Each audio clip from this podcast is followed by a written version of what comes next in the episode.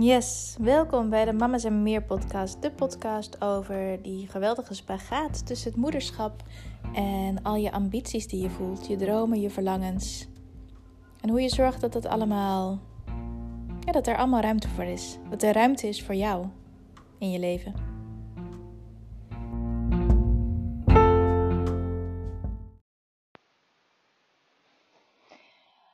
Zo, dat is een tijd geleden tijd geleden dat ik een podcast heb opgenomen. En ik kreeg er vorig weekend zelfs een vraag over. Goh, Elisabeth, ik blijf het maar verversen, maar er komt geen podcast bij. Hoe zit het nou? En die vraag kwam, grappig genoeg, niet van een moeder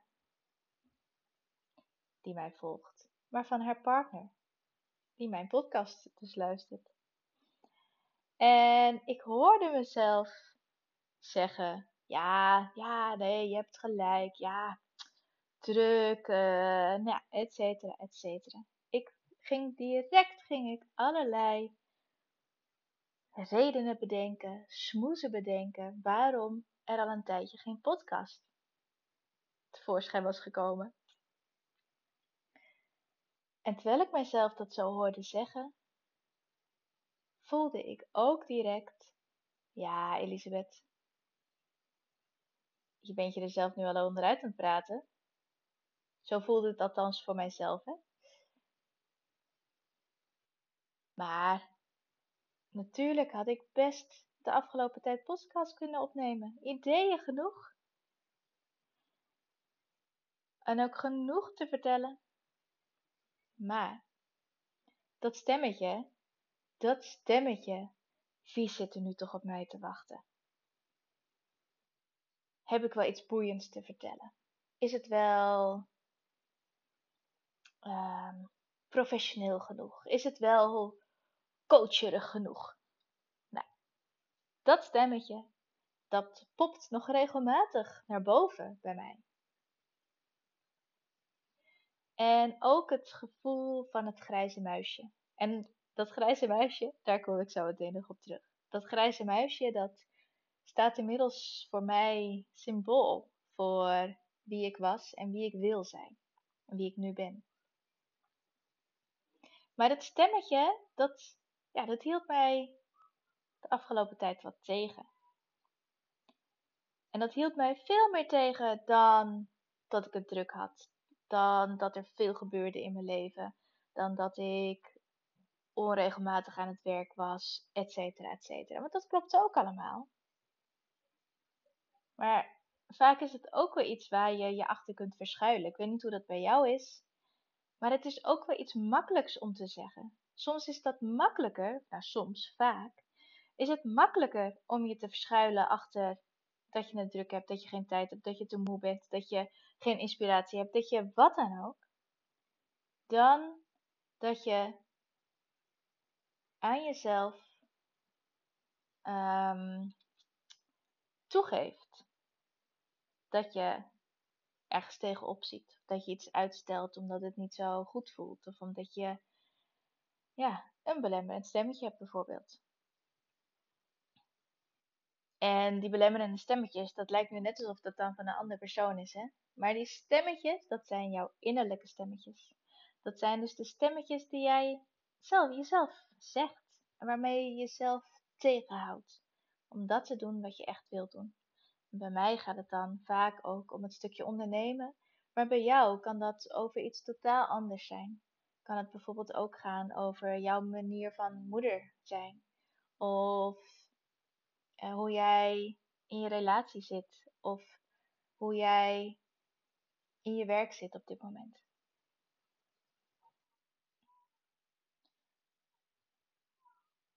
En nou ja, bij mij was het dus, ja, wie zit er nu toch op mij te wachten? En ik heb ook besloten, ergens in de afgelopen weken, dat er heel veel vrouwen op mij zitten te wachten. Bijvoorbeeld jij.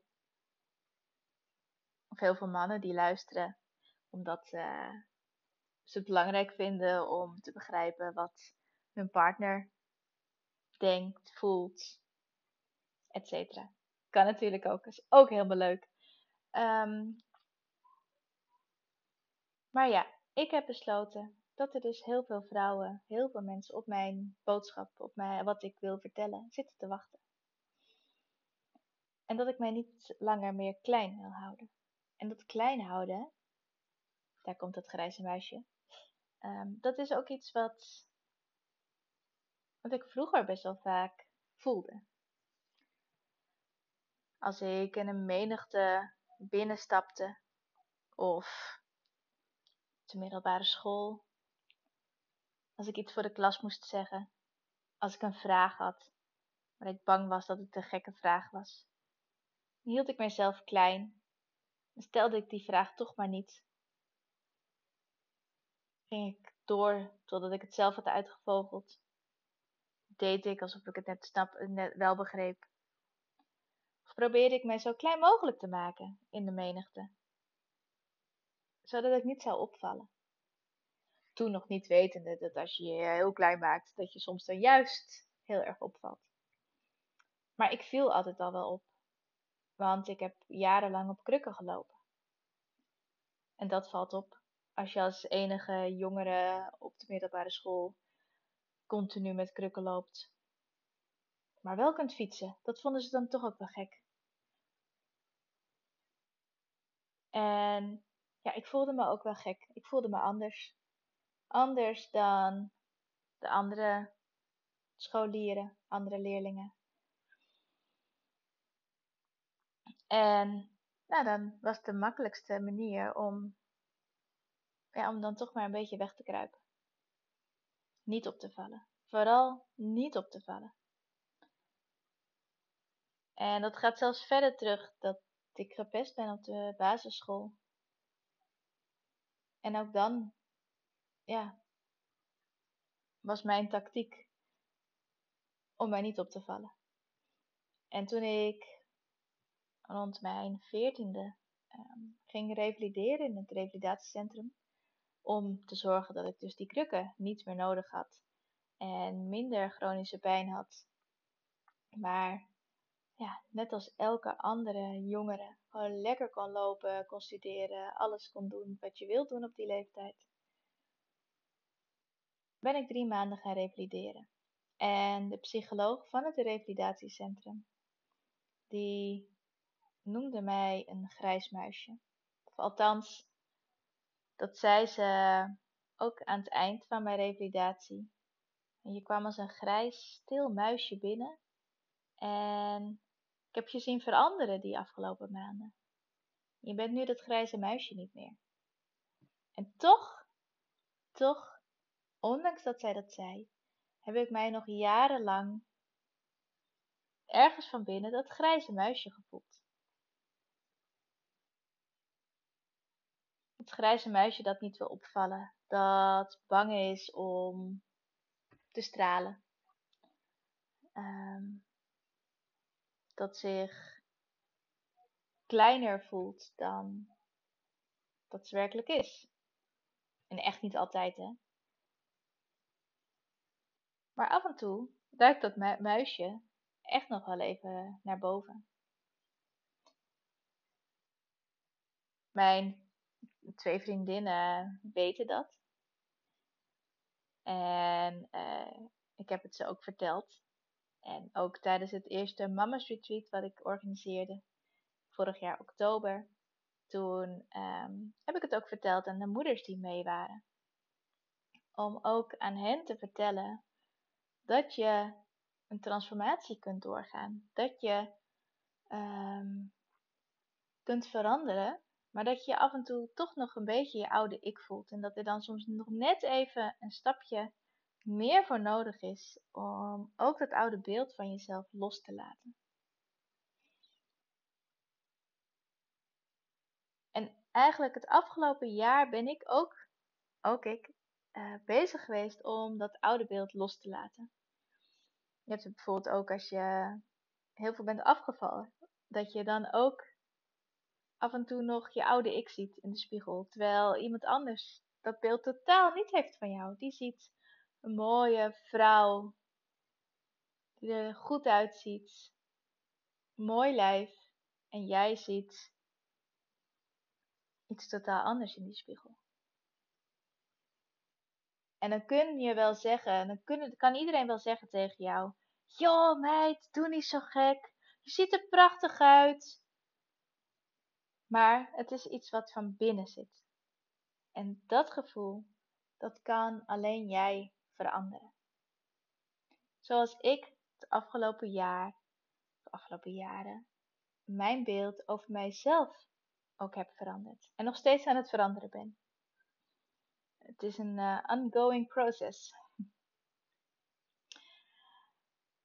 Maar ik merk dus steeds meer dat ik afscheid aan het nemen ben van dat grijze muisje. En steeds meer de Elisabeth aan het omarmen ben die ik nu ben. En wat daar nog bij hoorde, was ook dat stukje expert omarmen. En vol te gaan voor dat wat ik jou als moeder te bieden heb.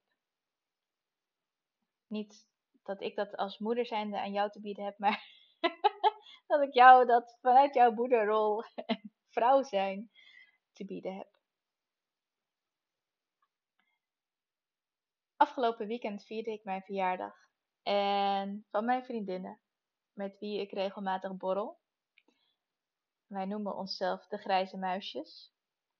Alle drie zijn wij totaal geen grijs muisje, maar die naam is ooit ontstaan door mijn verhaal. En, ehm, maar ik kreeg dus van hen een geweldig cadeaupakket met daarin drie muisjes. Twee kleine, helemaal gepimpt en één grote, de oppermuis. Een geweldige grote zilveren glittermuis. Afstandsbestuurbaar. Ik heb helemaal de deuk gelegen. Maar het was dus een grijs muis, muisje, maar wel eentje die bomvol glitters zat. En dat was voor mij echt wel een hele mooie, nou ja, afsluiting van mijn grijze muisjes tijdperk eigenlijk. En sinds die avond heet onze uh, WhatsApp groep ook niet meer de grijze muisjes, maar de grijze glittermuisjes. Want dat grijze muisje, dat klopt niet meer. En nou ja, nu ben ik wel benieuwd. Als jij naar jezelf kijkt, welk beeld van jezelf zou jij nog willen veranderen? Of welk beeld is eigenlijk een oud beeld wat je hebt van jezelf? Omdat daar nog een overtuiging op zit. Overtuiging dat je niet goed genoeg bent. Of dat je niet puntje puntje bent. We vinden zoveel over onszelf. En we hebben daar zoveel labeltjes aan hangen vaak.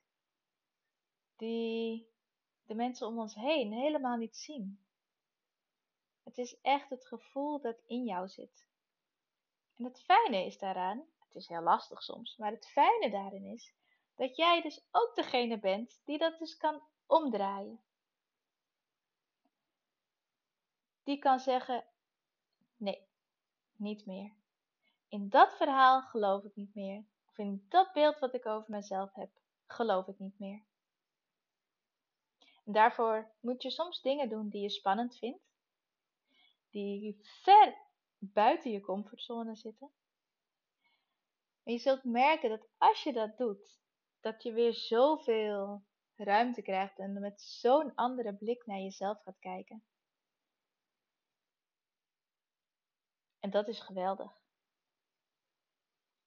Ook ik doe nog echt wel vaak dingen die ik spannend vind. Laatst nog, tijdens een uh, mastermind tweedaagse van mijn businessopleiding, zat ik twee dagen lang echt in een geweldige bubbel. En met allemaal prachtige vrouwelijke ondernemers. En van de meeste dacht ik natuurlijk, Wauw, jij bent echt al veel verder, beter, uh, succesvoller, noem maar op, dan dat ik ben. En die gedachten zijn natuurlijk onzin. Want ja, sommigen waren inderdaad al veel verder, beter, succesvoller, etc. als dat ik ben. Maar ook die vrouwen, die hadden of hebben hun onzekerheden. Die hebben hun twijfels. Die hebben hun angsten als het gaat om, nee, in dit geval dan ondernemerschap.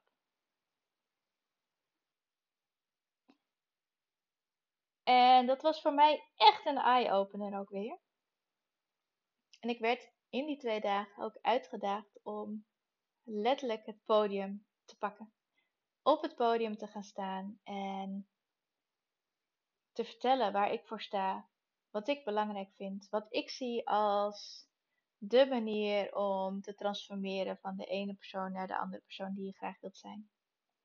En ik stond daar met knikkende knietjes, zwetende handen, te stotteren. Zo begon ik, want ik ben het echt gewend om voor een groep vrouwen te staan die naar het Mama's Retreat komen.